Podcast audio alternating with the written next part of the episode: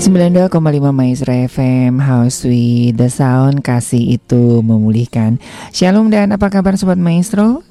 Doa dan harapan kami Anda tetap sehat dan tetap menikmati segala kebaikan Tuhan. Senang sekali saya penginjil Ari juga rekan Gideon dan tentunya Bapak Pendeta Yaya Purwanto kembali bersama-sama dengan Anda ya di program kesayangan kita bersama Mutiara Sabda. Dan iya terima kasih buat beberapa pertanyaan yang sudah Anda kirimkan. Iya dan buat Anda yang mungkin uh, ada pertanyaan-pertanyaan ya. Ini kita lebih fokusnya kepada pembedahan ayat-ayat Alkitab begitu ya, firman Tuhan begitu ya, ataupun juga dengan iman Kristiani ya. Jadi kalau misalkan ada permasalahan rumah tangga, permasalahan keluarga ataupun permasalahan tetangganya gitu ya, mohon maaf banget ya kami uh, lebih fokus kepada pembedahan ayat-ayat firman Tuhan begitu ya dan iman Kristiani tentunya. Oke. Okay. Silakan buat Anda yang mau bertanya ya, khususnya untuk firman Tuhan, bagaimana kita bisa menggalinya, langsung di 081321000925. Apa kabar Pak Yahya Purwanto? Uh, kabar baik. Oke, okay. Tuhan. Sehat ya Pak ya. kita karena Tuhan selalu bersama kita. Oke, okay. hujan ya, terus ya. Itu yang paling penting mm -hmm, dalam mm -hmm. hidup kita. Oke, okay, iya, iya kita membatasi di Mutiara Sabda ini lebih banyak mengupas ya, ayat-ayat ya, firman Tuhan ya Pak ya. Gitu ya Oke. Kalau okay. masalah rumah tangga barangkali. Iya, nanti ada bisa dipelangi kasih ya, ya ada konselor. Bisa pastoral kepada mm -hmm. Hamba Tuhan di mana mereka ya, ya. ada nah, siapa ya. saja bisa ya. Mm -hmm, kepada mm -hmm. penginjil juga bisa. Ya. ya, saya rasa itu lebih baik. Mm -hmm, mm -hmm. Oke, okay. iya sekali lagi tidak mengurangi karena, ras, rasa karena hormat kita ya Pak. Masalah-masalah dalam kehidupan itu tidak bisa disampaikan bukan tidak bisa tidak mungkin disampaikan di forum seperti di forum, ini karena terbatas betul betul betul itu betul kan membutuh membutuhkan pendalaman mm -mm. ya iya. Penggalian yeah. segala macam iya dan analisanya mungkin. kan kita nggak ya. nggak hanya bisa lewat tulisan aja ya pak ya. seperti ya. seperti kita memahami Alkitab lah mm -hmm. mungkin itu yang lebih, betul lebih penting, ya. betul betul betul kalau kita memahami kalau Alkitab kita kan ada menerapkannya dalam hidup sehari-hari ya mas iya iya iya oke okay, iya ya. jadi sekali lagi tanpa mengurangi rasa hormat kami mohon maaf ya untuk beberapa pertanyaan yang bersifatnya itu mungkin uh, ya masalah-masalah konselor pas konseling pastoral nanti bisa di acara yang lain. Oke, langsung Pak karena kita sudah ada beberapa pertanyaan nih ya. Ini ada seorang uh, saudari nih kalau tidak salah begitu ya. Ini uh, tentang Yeremia 20 ayat yang ke-11. Di situ dituliskan mengapa gerangan aku keluar dari kandungan melihat kesusahan dan kedukaan sehingga hari-hariku habis berlalu dengan malu. Nah, ini uh, saudari ini dalam hidupnya dia merasa seperti ayat di atas begitu Pak, ayat-ayat ya. Yeremia 20 ayat 18 ini Pak. 18 ya. 18. Iya, 20 ayat 18 begitu. Ini sebetulnya berbicara tentang apa sih Pak Yeremia 20 Jadi, ayat 18? Kalau kita memang kalau kita bicara tentang apa yang dialami Yeremia, ini kan sebetulnya ya mir kesusahan lah. Mm-hmm. Sejak keluar dari kandungan ibu, dia melihat kesusahan, kedukaan, hari-harinya juga habis berlalu dengan berbagai macam masalah dan kesulitan. Mm-hmm. Lalu kemudian mm-hmm mungkin kita juga bisa merasakan seperti itu. Mm-hmm, mm-hmm. Tapi saya mau mengatakan bahwa Kristus pun juga mengalami hal seperti itu. Ya oke. Okay. Kalau kita lihat kan Kristus, Kristus mengalami seperti itu karena mm-hmm, dari mm-hmm. mulai lahir lahirnya udah dikejar-kejar. Iya yeah, iya. Yeah. Sama Herodes kan. Iya yeah, iya. Yeah. Lalu kemudian mengungsi sampai ke Mesir. Mm-hmm, mm-hmm. Ya kan. Lalu ketika mulai pelayanan pun juga mengalami banyak hambatan. Iya betul. Orang Farisi nggak suka ya pemerintah juga nggak suka ngelihat dia sebagai seorang ya dilulukan sebagai seorang raja segala macam itu kan mm-hmm. sampai akhirnya harus mati di kayu salib. Kalau kita lihat makanya kenapa Yesus itu kan dalam kehidupannya selalu menjalani jalan dolorosa, mm-hmm. jalan kesengsaraan. Yeah. Dari lahir sampai matinya. Tapi ya dijalani lah. Mm-hmm. Mm-hmm. Ya. Nah, jadi saya mau mengatakan mungkin kita mengalami hal seperti ini juga dalam hidup kita, merasa kita bahwa kita orang yang paling malang, menderita sejak mm -hmm. lahir dari mm -hmm. kandungan sampai sampai mati kita begini-begini aja gitu kan. Tapi saya mau mengatakan untuk mengatasi ini, yang penting kita harus uh, belajar untuk mengubah fokus kita. Okay, kalau fokus yeah. kita, kalau fokus kita kepada Dolorosa tadi, mm-hmm. ya kita akan meratapi nasib kita. Yeah. Nggak akan lihat mahkota ya Pak ya. Ya, mm-hmm. gitu loh. Mm-hmm. Ya, belajar dari Yesus. Mm-hmm. Ya, fokus kita ke arah Kristus. Kristus yeah. fokusnya ke mana? Ke arah Tuhan, ke arah kehendak Bapa. Mm-hmm. Jadi kalau fokus kita ke arah diri kita sendiri, atau masalah yang kita hadapi, kita akan meratapi hidup kita. Mm-hmm. Ya. Yeah. Dalam 2 Korintus 10 ayat 5 dikatakan begini, kami mematahkan setiap siasat orang dan merubuhkan setiap kubu yang dibangun oleh keangkuhan manusia untuk menentang pengenalan akan Allah. Kami menawan segala pikiran dan menaklukkannya kepada Kristus. Mm-hmm.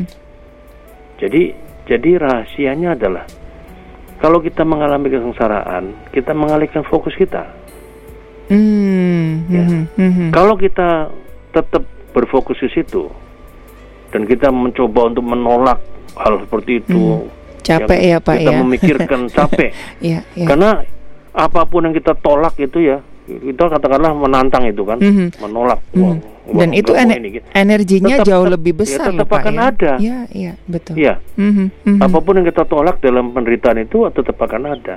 Mm-hmm. Ya. Iya, iya. Jadi uh, Alkitab juga tidak pernah menyuruh kita untuk melawan godaan. Tidak bisa kita. Ya. Betul, kita betul. hanya minta pada Tuhan coba menjauhkan dari godaan, dari hal-hal seperti itu. Yang kita yang diperintahkan oleh Tuhan pada kita, kita mesti melawan iblis. Mm -hmm. Jadi kunci untuk mengatasi hal-hal seperti itu tadi, seperti yang diratapi oleh Yeremia tadi, itu adalah tidak boleh mundur. Kita mengubah fokus kita. Oke. Okay. Ya. Apa pun yang menarik kita kepada masalah seperti itu tadi, seperti yang Yeremia ratapi tadi, mm-hmm. kita akan mendapatkan tetap. Iya. Yeah. Ya. Nah itu kan oleh sebab itu dimulai dari mana? Dari pikiran kita. Mm-hmm. Ya. Mm-hmm. Dari pikiran kita, pikiran kita yang tertuju pada Kristus, pada kebenaran Tuhan. Iya. Kita mesti memikirkan kebenaran Tuhan. Kita tidak memikirkan hal-hal yang kurang penting. Ya. Karena karena dalam bidang kehidupan kita baik baik dan buruk itu selalu ada berdampingan. Mm-hmm, ya. mm-hmm. Kesusahan, derita dan kebahagiaan hidup berdampingan. Yeah. Kalau kita fokus pada hal yang susah terus, yang buruk terus, ya kita itu akan menarik kita ke arah sana. Mm-hmm tapi kalau fokus kita pada hal-hal yang kebenaran Tuhan, kesalehan, kerohanian, kita itu akan menarik, menarik kita ke sana. Iya. Yeah. Ya. Jadi saya ambil contoh, kalau kita uh, fokus pada hal-hal yang kita lihat di televisi dan media sosial, kita akan hmm, menarik, yeah, itu akan menarik yeah. kita ke arah itu. Iya, yeah, betul, betul, yeah. betul, betul. Yeah. Betul. Jadi betul. apa pun yang menarik perhatian kita, itu akan menangkap kita. Nah, hmm. udah oleh sebab itu sekali lagi saya katakan, Sekali lagi saya katakan, kuncinya adalah mengubah pikiran kita. Ya. Ya. Kayak yang di itu Pak ya di Filipi gitu apa yang manis apa yang suci ya. pikirkanlah itu ya, kali itu, Pak ya betul itu salah satu ya. filternya ya Pak ya kalau pikiran kita terpikat ke situ terus ke arah situ terus perasaan hmm, kita hmm, terus akan hmm. ke situ maka perasaan itu akan terus muncul dan kemudian kita akan bertindak berdasarkan hmm, apa yang hmm. kita pikirin tadi ya ya ya jadi kira-kira gitu ya hmm. jadi yang lebih penting apa kalau 2 Korintus 10 ayat 5 itu ya, kami menangkap setiap pikiran dan membuatnya menyerah dan menaati Kristus. Mm-hmm. Ya. Mm-hmm. Jadi dan saya saya lihat kebanyakan orang tidak pandai menangkap setiap pikiran dan mengarahkannya pada Kristus. Kenapa? Butuh latihan. Iya. Yeah. Ya. Latihan badani terbatas gunanya. Kalau kata Paulus pada pada Timotius kan. Mm-hmm. Mm-hmm. Tapi latihan rohani itu penting Iya. Yeah. Ya kan? Untuk melatih kita mm-hmm, mm-hmm. supaya kita bisa mengendalikan keadaan kita, mengendalikan perasaan kita, kita mengontrol apa yang kita pikirkan, dan itulah yang harus kita pilih. Ya, kalau kita mengubah cara berpikir seperti itu, mm-hmm. maka itu akan mengubah cara kita bertindak. Oke, okay, oke. Okay. Nah, itu yang paling penting. Mhm, mhm. Jadi i- i- dan itu mesti dilatih, ya, Mhm, nggak iya, bisa. iya, Oleh betul, sebab itu, betul. dalam konsep dogma Kristen kan dikatakan kita nggak menyerah pada keadaan, Mhm. tapi kita mengubahnya, memikirkannya ke arah Kristus, Iya. sehingga jadilah kehendakmu Tuhan. Mhm.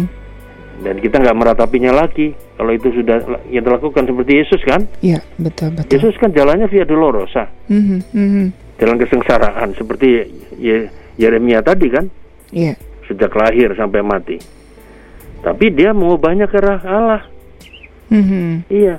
Sampai pada titik di mana walaupun dia takut, walaupun dia sangat berat menjalani salib itu, Oke. ya di Taman Getsemani sampai dia di Taman Getsemani sampai dia apa berdoa Di- dan peluhnya Mhm. seperti darah, seperti darah. Mhm.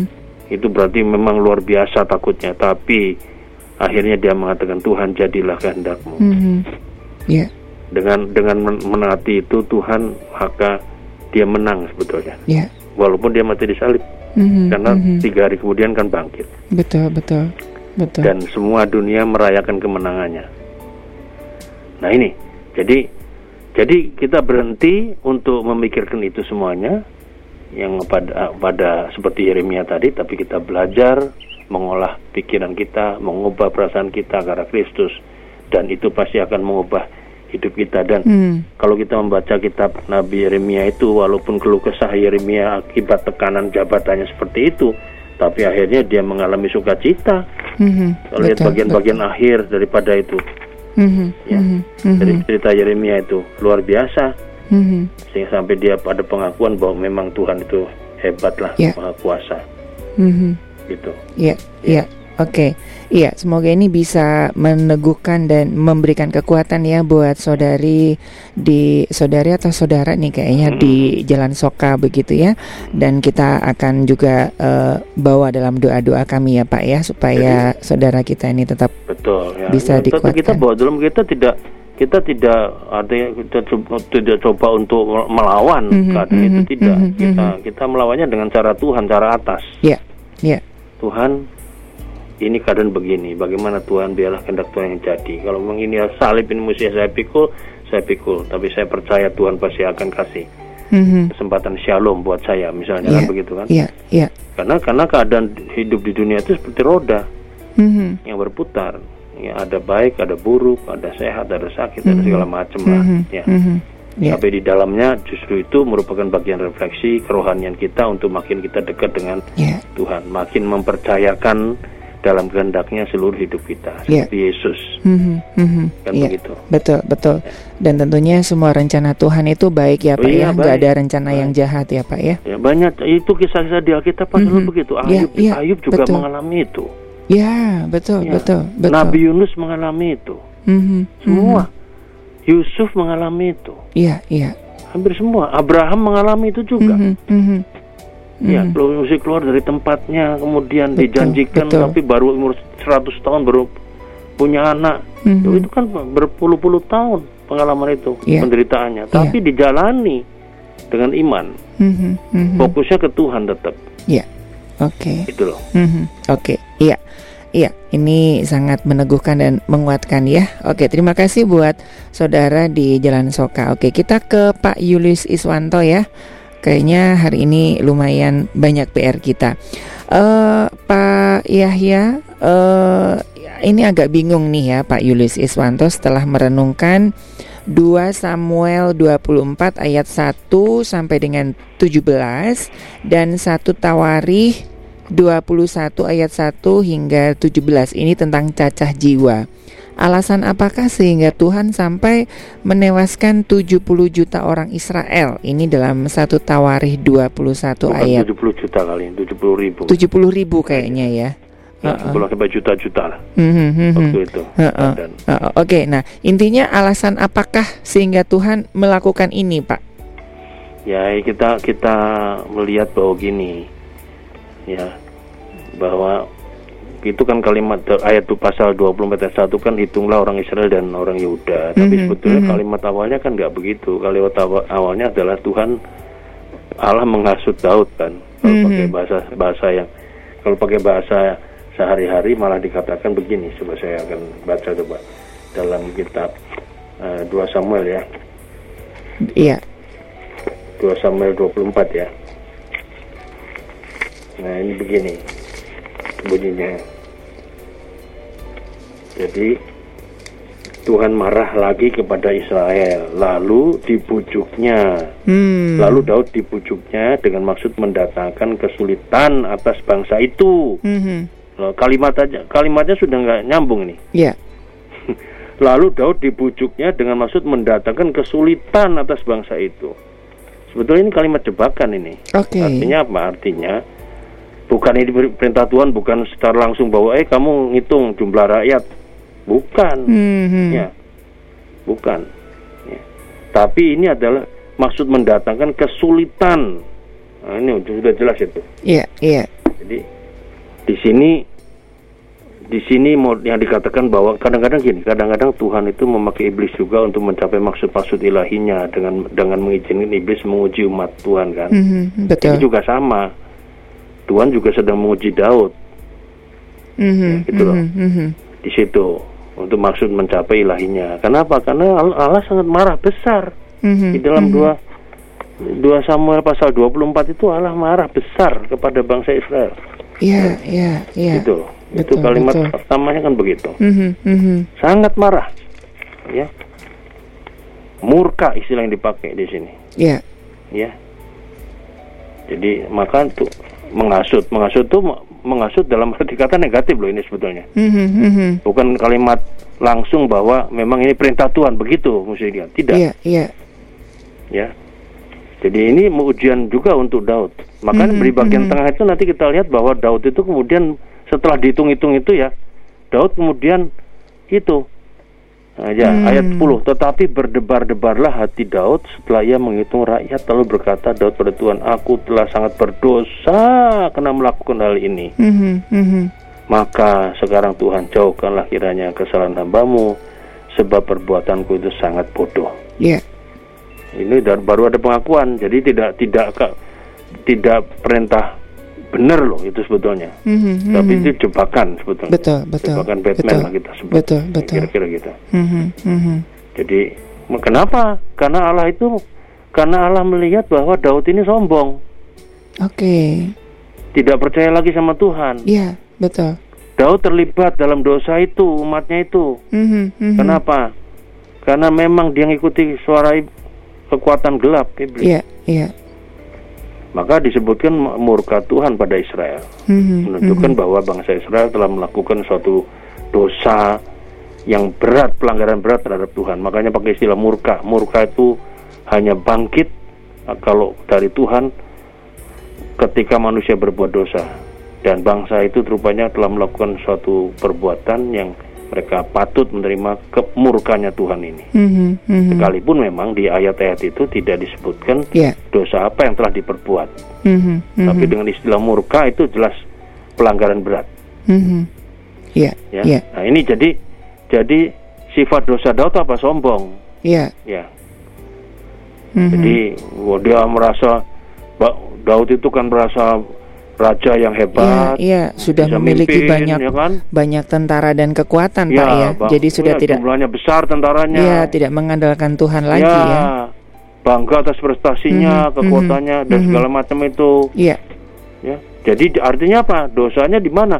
Sombong, Mhm. bermegah dalam kemampuan manusiawinya, Iya. ya. Mhm. bukan bermegah karena kuasa dan kebenaran Allah. Oke, oke. Jadi perlu dicatat, Mas Mhm. Nari, Iya. bahwa raja itu konsepnya teokratis Iya, di betul. dalam uh, anu. Jadi bukan raja itu bukan monarki biasa seperti Mhm, zaman mhm, sekarang ini mhm, punya mhm. kuasa paling tinggi Mhm. di negara. Tidak. Kuasa tinggi ada di Theos, di Tuhan. Iya, betul. Jadi raja itu sebetulnya hanya bonekanya Tuhan, Iya.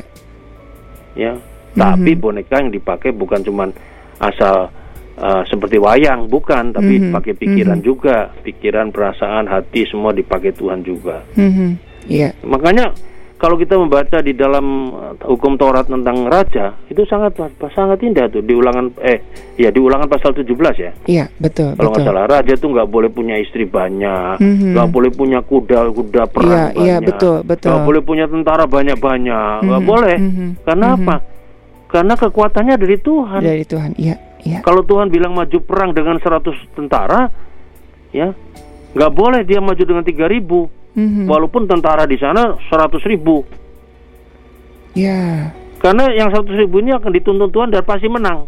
Yes. Karena Tuhan yang perang. Iya. Dan itu sudah dibuktikan Udah ya dari dibuktikan zaman-zaman di dalam sebelum Alkitab ada cerita-cerita Iya. itu ada semua. Iya, sebelum Israel punya raja ya, Pak ya. Iya. Ini kalau kita ngelihat di halaman selanjutnya ini kan udah terakhir eh, sepertinya apa namanya kepemim- kepemimpinan Tuhan atas Israel ya, Paknya. Iya. Di baliknya kan udah mulai raja-raja tuh. Ya. Iya. Mungkin ini geramnya Tuhan ya, murkanya Tuhan Betul, kali betul. Pak ya. Murkanya Tuhan ya. Iya. Jadi di situlah di situ sejak Mhm. hakim-hakim sebetulnya sudah Iya. kelihatan. Iya. Kalau perang itu nggak boleh ya. Mhm, mhm. Ingat seperti eh, Yosua waktu ma- masuk tanah perjanjian Iya. kan, dia belum jadi raja, pemimpin biasa. Mhm, mhm. Kan cuma muterin tembok Yeriko. Iya. Karena yang yang Iya. perang Tuhan bukan Iya. bukan rakyat. Mhm, mhm. Jadi jadi udah udah jelas. Nah, dosanya orang-orang seperti Daud, Salomo segala macam ini kesombongannya ini ada seperti ini. Mhm, mhm. Karena namanya juga raja, orang Iya, nomor satu. Iya. Yang tadinya biasa-biasa saja jadi bisa sombong karena bayangin semua orang tunduk sama dia. Mhm, Kalau mhm. jalan di mana-mana dihormati. Mhm. Kalau pergi ke mana-mana selalu dapat sanjungan. Iya. Yang tidak nyanjung kan bukan satu orang, ribuan orang. Betul, Yang betul. lama-lama besar kepala. Mhm, mhm. itu kan nggak nggak nggak beda dengan orang zaman sekarang begitu dapat kedudukan di gereja jadi ini jadi ini wal mulai ada kesombongan bisa Udah- terjadi kenapa Udah followernya Orang- banyak Iya. gitu Pak ya. kalau sebut saja anda anda jadi misalkan kepala bagian apa di dalam sebuah gereja misalnya Mhm. penting banget gitulah semua orang harus datang pada anda lama-lama jadi sombong Iya, Iya. iya. ya atau misalnya ketua yayasan apa gitu yang hebat Mhm, mhm. Ang- yang di mana pekerjanya ribuan. Nah semua orang pasti hormat sama ketua yayasan. Mhm. Sekarang yang Lama-lama yang tadinya bentuknya pelayanan rendah hati sebagai hamba tidak lagi jadi hamba. Mhm, mhm. Jadi ada ada kesukaan untuk memuliakan dirinya. Di Iya, situ ada iya. bahaya, ada kesombongan itu ada. Mhm, Ya, kenapa? mhm. Karena ada prestasi, ada kekuasaan, ada Iya. kekuatan, ada sanjungan yang banyak dari orang. Mhm. Lama-lama yang lama-lama yang tadi gak mikir itu jadi mikir juga. Ya, betul, betul. Dan Daud rupanya juga punya hal seperti ini. Ya. Iya, Daud juga tetap manusia ya, Pak ya. Dia mulai beda dengan Daud zaman dulu dia masih Mhm. jadi pegawainya Betul, Saul. betul, betul, betul. Ya, disuruh Saul uh, itu Mhm, juga mhm. ya kan Iya. nurut aja dia.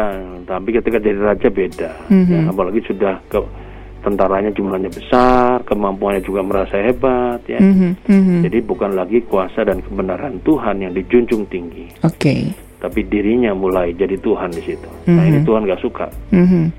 Nah makanya di ayat yang ke 17 itu saya tadi tidak tadi kan ayat 17 itu dibunyikan Mhm. apa?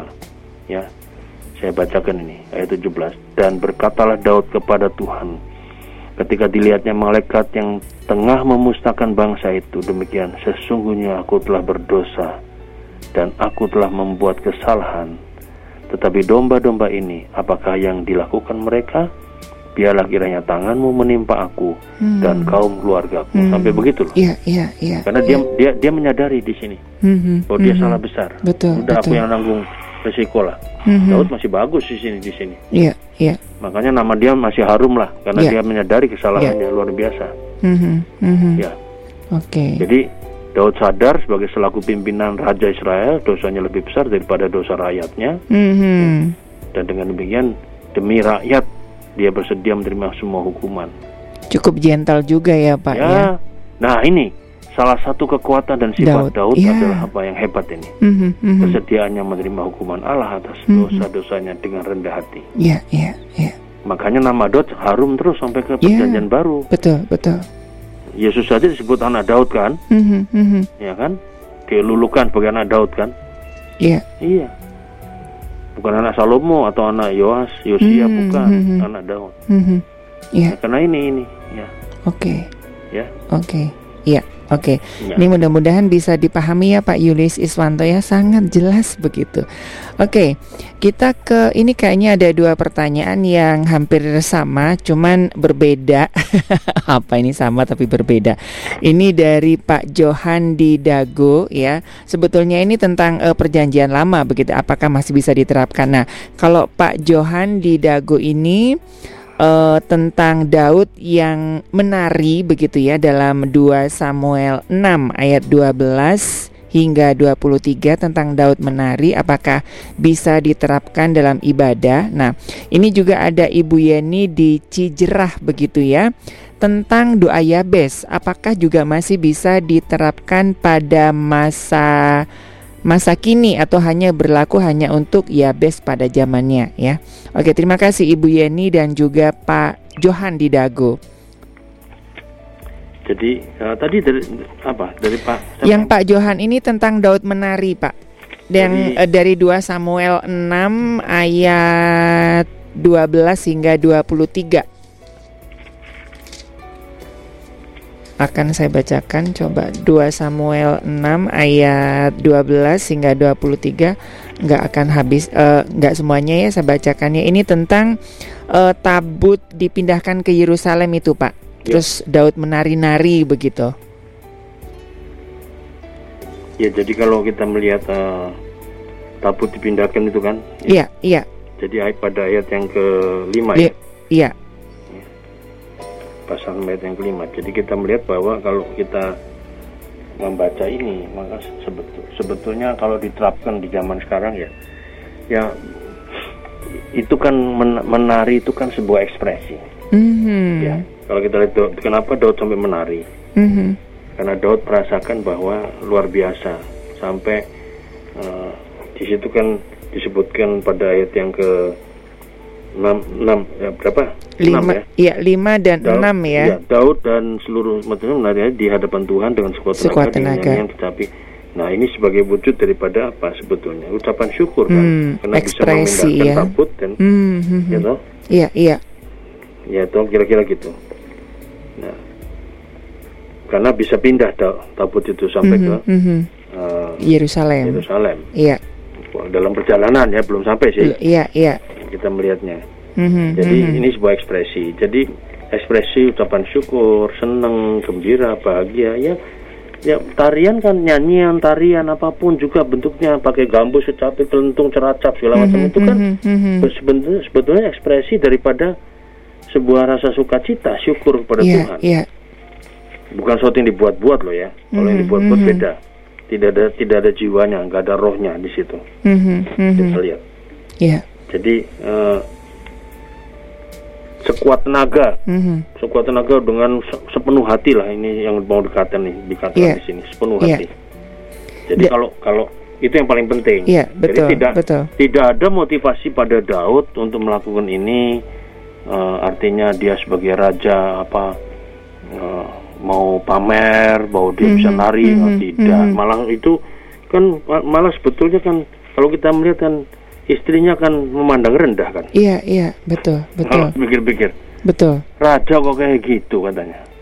Ini sebetulnya cukup lama loh Pak ya antara apa namanya perjalanan tabut ke Yerusalem ini Pak ya. Soalnya iya. kan sempat tiga bulan di rumah Obed Edom iya, ini ya Obed Pak ya. Edom, ya. Hmm. Hmm. Jadi kira-kira gitu. Iya, iya. Tiga bulan lamanya di rumah Obed Edom, ayat mm -hmm. itu kan ada. Iya, betul, betul, betul. Ya, jadi memang memang ya kita melihat bahwa uh, ekspresi itu boleh dipakai. Mm -hmm. ya, saya tidak me me mau mengatakan apakah masih bisa dipakai sekarang ya bisa saja asal motivasinya benar. Mm -hmm. yeah, jangan yeah. jangan motivasinya ada tarian di gereja supaya orang senang ke gereja itu sudah nggak benar. Mm -hmm. Jadi tidak mm -hmm. ada ekspresi mm -hmm. syukur sama sekali mm -hmm. kan. Mm -hmm. Dan sebetulnya ya. terarah ya Pak ya tariannya Daud ini ya. Iya, iya.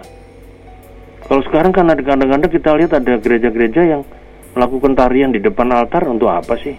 Mm-hmm. Nggak terlalu penting lah itulah. Iya. Dan ekspresinya itu kan kayaknya uh, apa namanya untuk tontonan. Tontonan dan iya. melampiaskan ini ya Pak ya. Iya. Uh, apa sih? Aktualisasi diri gitu. Aktualisasi diri supaya merasa bagus, hebat, Mhm, bisa mhm, nari di depan mhm, altar mhm. segala macam. Mhm. Ya enggak boleh. Sama aja pendeta juga kalau cuman di atas mimbar eh, pencitraan, Hmm. khotbah nggak pakai persiapan segala macam, ya kita kan dosa di mata Tuhan. Ya. Untung di perjanjian baru ya Pak ya. Kalau di perjanjian lama sudah disambar. Sudah mati lah orang, sudah mati. Nah itu saja. Betul, Megang itu betul. aja mati kok. Ya, iya. Megang tabut perjanjian. Mhm, Jadi kita melihat mhm. bahwa yang penting motivasi saya tidak mengatakan iya. boleh apa nggak boleh, boleh Iya, saja. iya, Tapi iya. Baiklah itu dijadi motivasinya kudu benar di mata Tuhan. Mhm, Jadi mhm. bukan bukan untuk menarik orang supaya banyak datang ke gereja itu nggak perlu itu.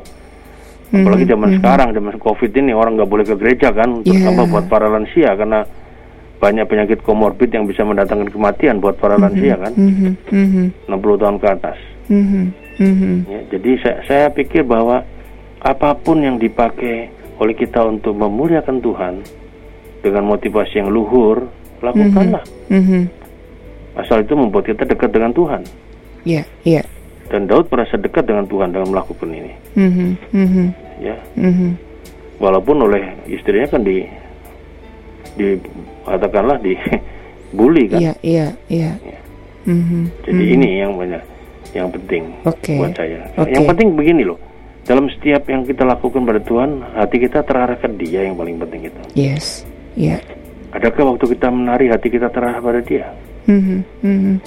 Ya, ataukah kita menari itu untuk ditonton orang supaya kita dite- ditepuki tangan, dipuji pada akhirnya nah, Iya, nah, iya. kembali tadi Mhm, ketika mhm. orang sudah punya sepe- seperti itu kan akhirnya jadi sombong, kesombongan, iya. iya. kesombongan, Mhm, rohani mhm, mhm. Mhm. gitu loh. Oke, iya. Iya, Ya. ini sudah dijawab ya Pak Johan ya yang tentang menari. Kita ke Ibu Yeni di Cijerah Pak yang tentang doa Yabes ya. Ya do, kalau kita bicara doa, kita bicara gini Mas Ari, semua yang ada di dalam Alkitab itu sebetulnya Mhm. kita melihatnya bahwa semuanya masih berlaku sampai sekarang. Oke.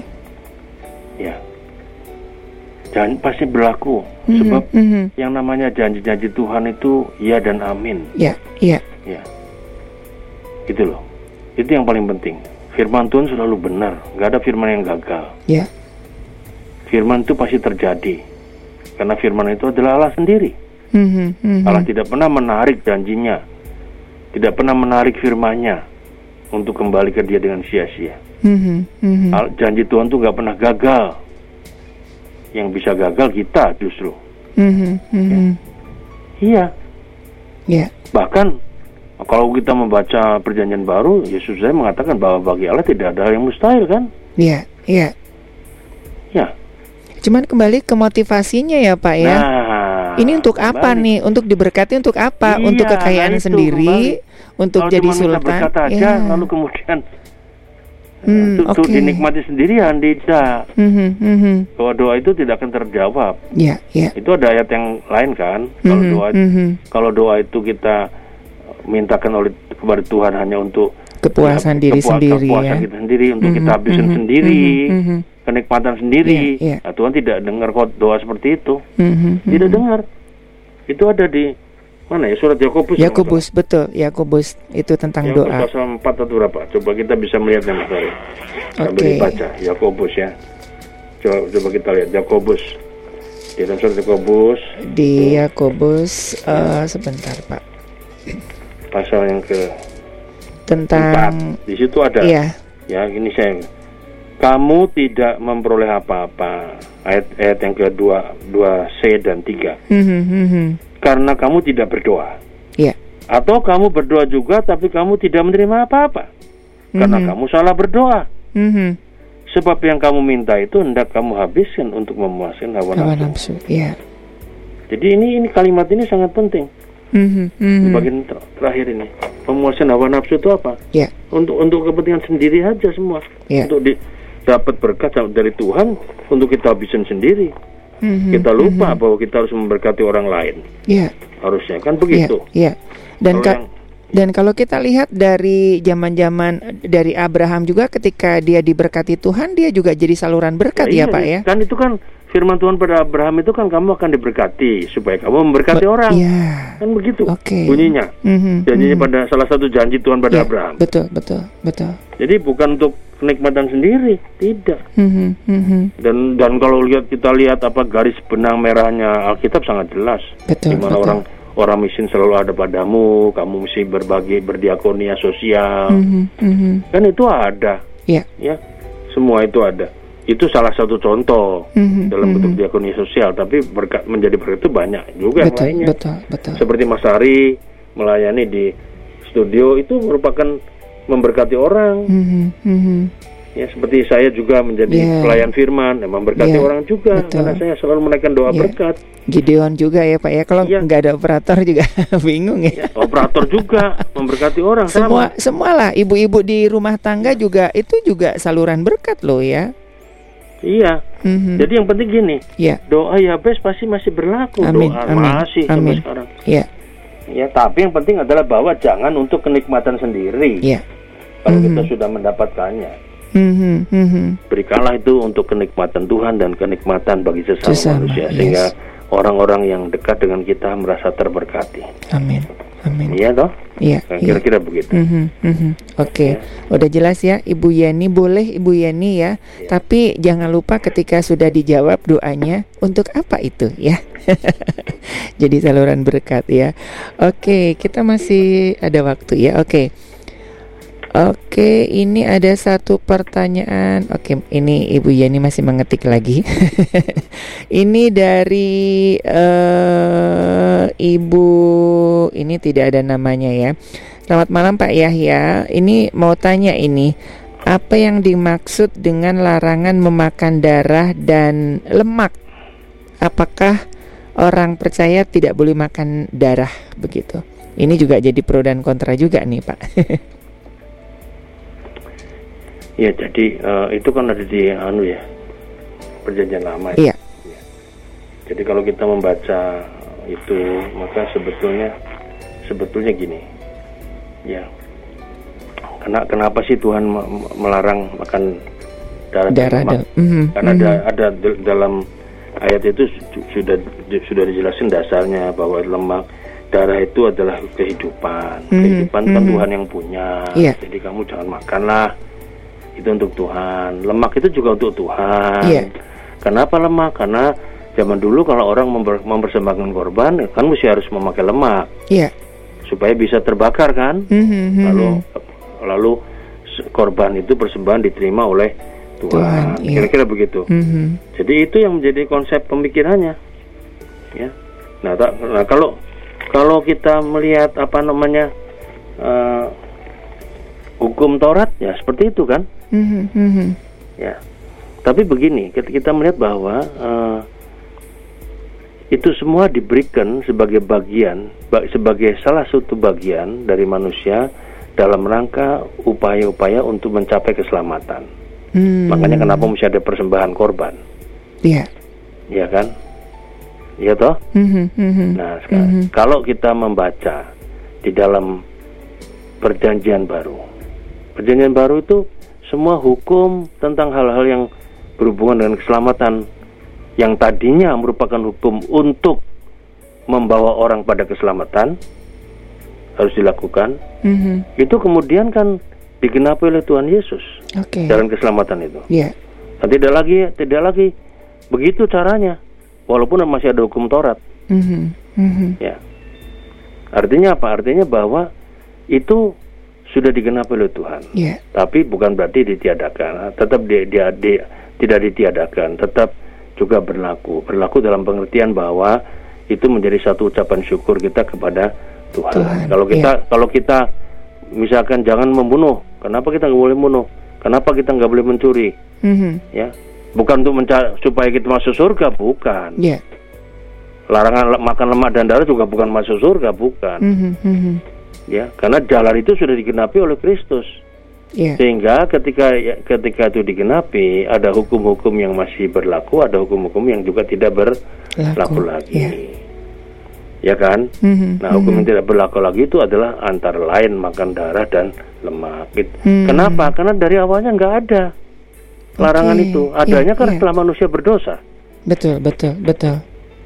Karena harus berkorban manusia, Mhm, harus mhm. mem- mempersembahkan korban maksudnya Iya, iya. kepada Tuhan. Dan caranya pakai lemak dan darah. Mhm, mhm, Itu mhm. yang untuk Tuhan. Nah sekarang kan Oke. tidak lagi seperti itu, Mhm. ya kan? Tidak seperti itu. Jalan keselamatan sudah diberikan lewat Kristus. Hanya dengan percaya kita sampai ke sana. Mhm, mhm. Sehingga sehingga lar- larangan itu tidak ada. Memang gereja-gereja yang masih melarang. Betul, ya, nggak masalah. betul, Buat saya betul. nggak masalah. Yang yang tapi kalau kita mempelajari yang Yesus lakukan segala macam itu, kita melihat bahwa semuanya digenapi itu. Lalu Iya. kemudian Rasul Paulus kemudian mengatakan bahwa coba ingat dulu ketika diciptakan segala sesuatu diperbolehkan. Ya, Dikatakan Paulus segala sesuatu tapi yang diperbolehkan itu tidak selamanya berguna, berguna. Ya, ya. ya. Mhm, mhm. Tidak juga selamanya membangun. Betul, betul. Jadi kalau nggak membangun nggak berguna ya buat apa? Mhm, Nah kalau masih mhm, berguna silakan. mhm.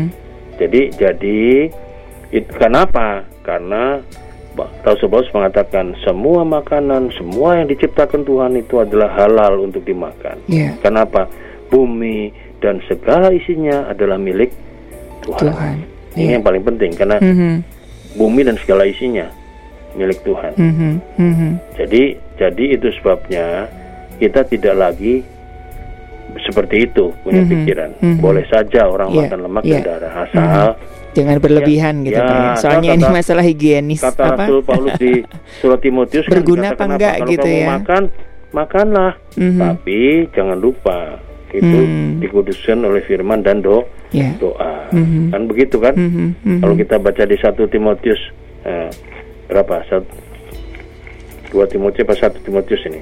Saya akan coba bacakan. Ya. Jadi kalau kita membaca di surat Timotius itu bunyinya adalah bahwa ya. Yo.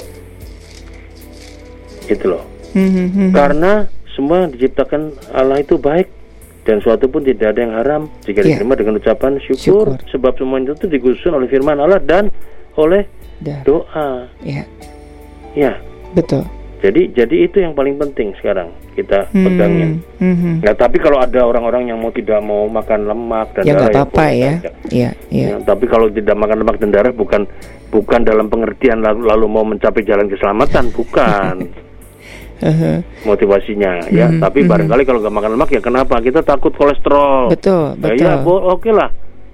Darah, oh janganlah darah itu karena itu jeroan nanti Mhm. bisa asam urat segala macam misal- Betul, misalnya betul, saya nggak tahu betul, apakah ada arah ke sana. Mhm, Ya, mhm. Tapi tapi kalau itu ya oke oke aja nggak masalah. Mhm. Jadi bukan larangan makan lemak dan darah dalam rangka mencapai keselamatan bukan. Iya, Karena iya. keselamatan sudah kita dapatkan di dalam Tuhan Tuhan Yesus. Yesus Kristus. Itu yang paling Mhm, penting. mhm, mhm. Ya jangan lagi kita ada hukum-hukum yang membelenggu kita. Betul, betul. Karena semua yang diciptakan Tuhan pada hakikatnya itu baik Mhm, dan bisa kita nikmati. mhm, Ya. Mhm. Dan- dan- dan- Nah, Mas Ari kan sebetulnya kalau kita kalau kita membaca di kalau kita membaca Alkitab sebelum manusia jatuh dalam dosa, manusia kan mak- makan apa saja di situ. Iya, Iya, iya, betul. Belum ada larangan makan lemak dan darah. Mhm. Soalnya ng- nggak ada pembunuhan hewan ya Pak ya waktu Iya. belum ada ya. Belum ada. Ketika manusia dalam jatuh dalam dosa lalu Nah, itu pembunuhan hewan pertama ya karena ya, manusia dikasih baju oleh dan itu pun Tuhan sendiri yang melakukan ya, Pak ya. Ya, betul. Hmm. Jadi kita melihat itu. Ya, baru ya. baru mulai banyak larangan. Ya, nah, ya. larangan itu dalam rangka Mhm, apa? Penebusan dosa sebetulnya. Oke, Kenapa? oke. Itu digunakan buat mempersembahkan korban. Ya, Ya. Hmm. Mhm, mhm. Nah, kita kan tidak lagi mempersembahkan korban pakai cara gitu toh. Ya, cara betul. pagan kan. Betul, betul, betul. Persembahan korban kita dalam bentuk apa? Ucapan syukur. Ya, hidup kita yang kita persembahkan pada Tuhan menjadi hamba Tuhan, pelayan Tuhan. Mhm. Itu kan persembahan kita sekarang. Mhm, mhm. Persembahan natura juga nggak ada. Sekarang sudah persembahan dalam bentuk rekening bank, Ya. menggesek ATM segala macam ya, kan begitu ya. kan. Mhm, mhm. Dan boleh saja nggak masalah. Ya, Karena memang sudah dunianya sudah masuk dunia yang tidak dunia pagan lagi. ya. Mhm. Oke, iya. Ya. Wah ini seru banget ya Jadi semakin kita diperkaya begitu ya Tapi waktu kita sudah sangat singkat nih Pak Yahya eh, Apa yang bisa kita tarik dari Dari pertanyaan dari awal tadi ya Tentang eh, Apa namanya uh, dari uh, saudara saudari kita yang ada di Soka, uh, Pak Julius Iswanto, Pak Johan, Ibu uh, Ibu Yeni di Cijera dan juga uh, ini seorang ibu yang di 40323 gitu Pak. Yes, ya saya saya mau mengatakan gini, sekarang saya mau mengatakan dari semua yang hari ini kita pelajari, saya mengambil sedikit benang merah yaitu apa? Mari hidup kita kita fokusin pada Kristus, itu yang paling penting. Yeah. Ya, kalau kita hidup kita kita fokus pada Kristus yang memberi keselamatan pada kita, maka larangan lemak, makan lemak dan darah itu mm -hmm. tidak menjadi penting lagi. Mm -hmm. Ya kan? Tidak. Kalau kita fokus pada Kristus juga masalah apa pun yang berat dalam diri kita, ya kita percaya bahwa Tuhan pasti membuka jalan. Ya, amin. Ya kan, amin. Via Dolores akan berubah jadi kemenangan buat amin, kita. Amin. Kalau kita fokusnya ke persoalan kita ya salah sendiri mm -hmm, kita pilihnya, mm -hmm, mm -hmm. ya kan. Demikian yeah. juga raja-raja di Israel. Yeah. Selama fokusnya sama Tuhan, menang dia. Mm -hmm, mm -hmm. Yeah, Begitu tidak fokus Tuhan, Saul misalnya, Salomo yeah. misalnya pada 20 tahun masa pelayanannya terakhir, karena dia menguasai 40 tahun kan mm -hmm.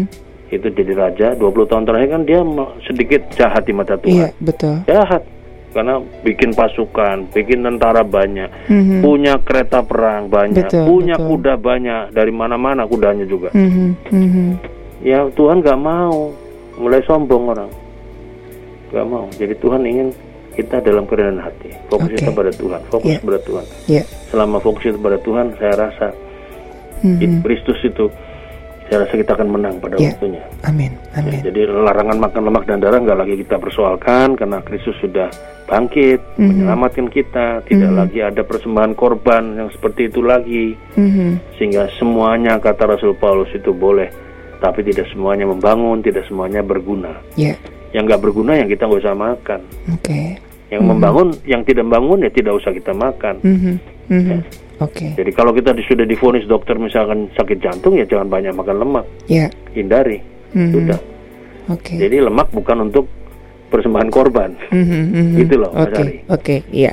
Ya, sebab kalau kita kembali ke sini nanti kita oh kita bayangkan di gereja kita ada ada mesbah korban coba. Baunya ke mana-mana itu bau aroma daging dibakar.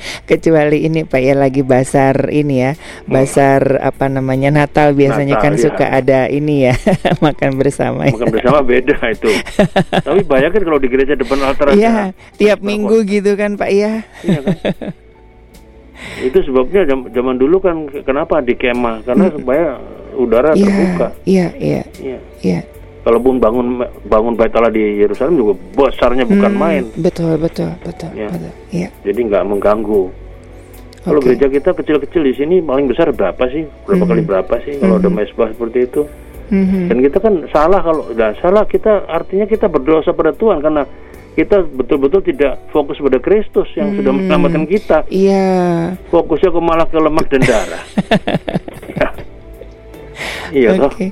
Iya. Uh, uh. Oke, iya. Oke, okay. okay. ya itu ya. Tapi ya. saya mau mengatakan kalau ada hmm. yang nggak mau makan lemak dan darah, bukan ya, karena ayat ini, bukan ya, ayat betul, ini. Betul. Ayat ini sudah tidak berlaku lagi dalam arti apa? Karena hmm. Tuhan sudah mengenapinya hmm. semuanya dalam ya. darah Kristus yang sudah diberikan untuk ya. menebus ya. dosa manusia. Oke, okay. Iya sudah jangan lagi jadi perdebatan ya Pak ya. ya. Yang, yang mau makan ya mangga, ya, nggak mau makan juga mangga ya, gitu ya. makan apa-apa. Oke sekali lagi terima kasih Pak Pendeta Yaya Purwanto ya. sudah banyak sekali memberkati kita malam uh, hari ini begitu ya. Baik dari Gira Maestro Jalan Kaca Piring 12 Bandung, saya penginjil Ari, uh, Bapak Pendeta Yaya Purwanto dan rekan Gideon mengundurkan diri. Kita dapat memberi tanpa mengasihi, tetapi kita tidak dapat mengasihi tanpa memberi. Tuhan memberkati.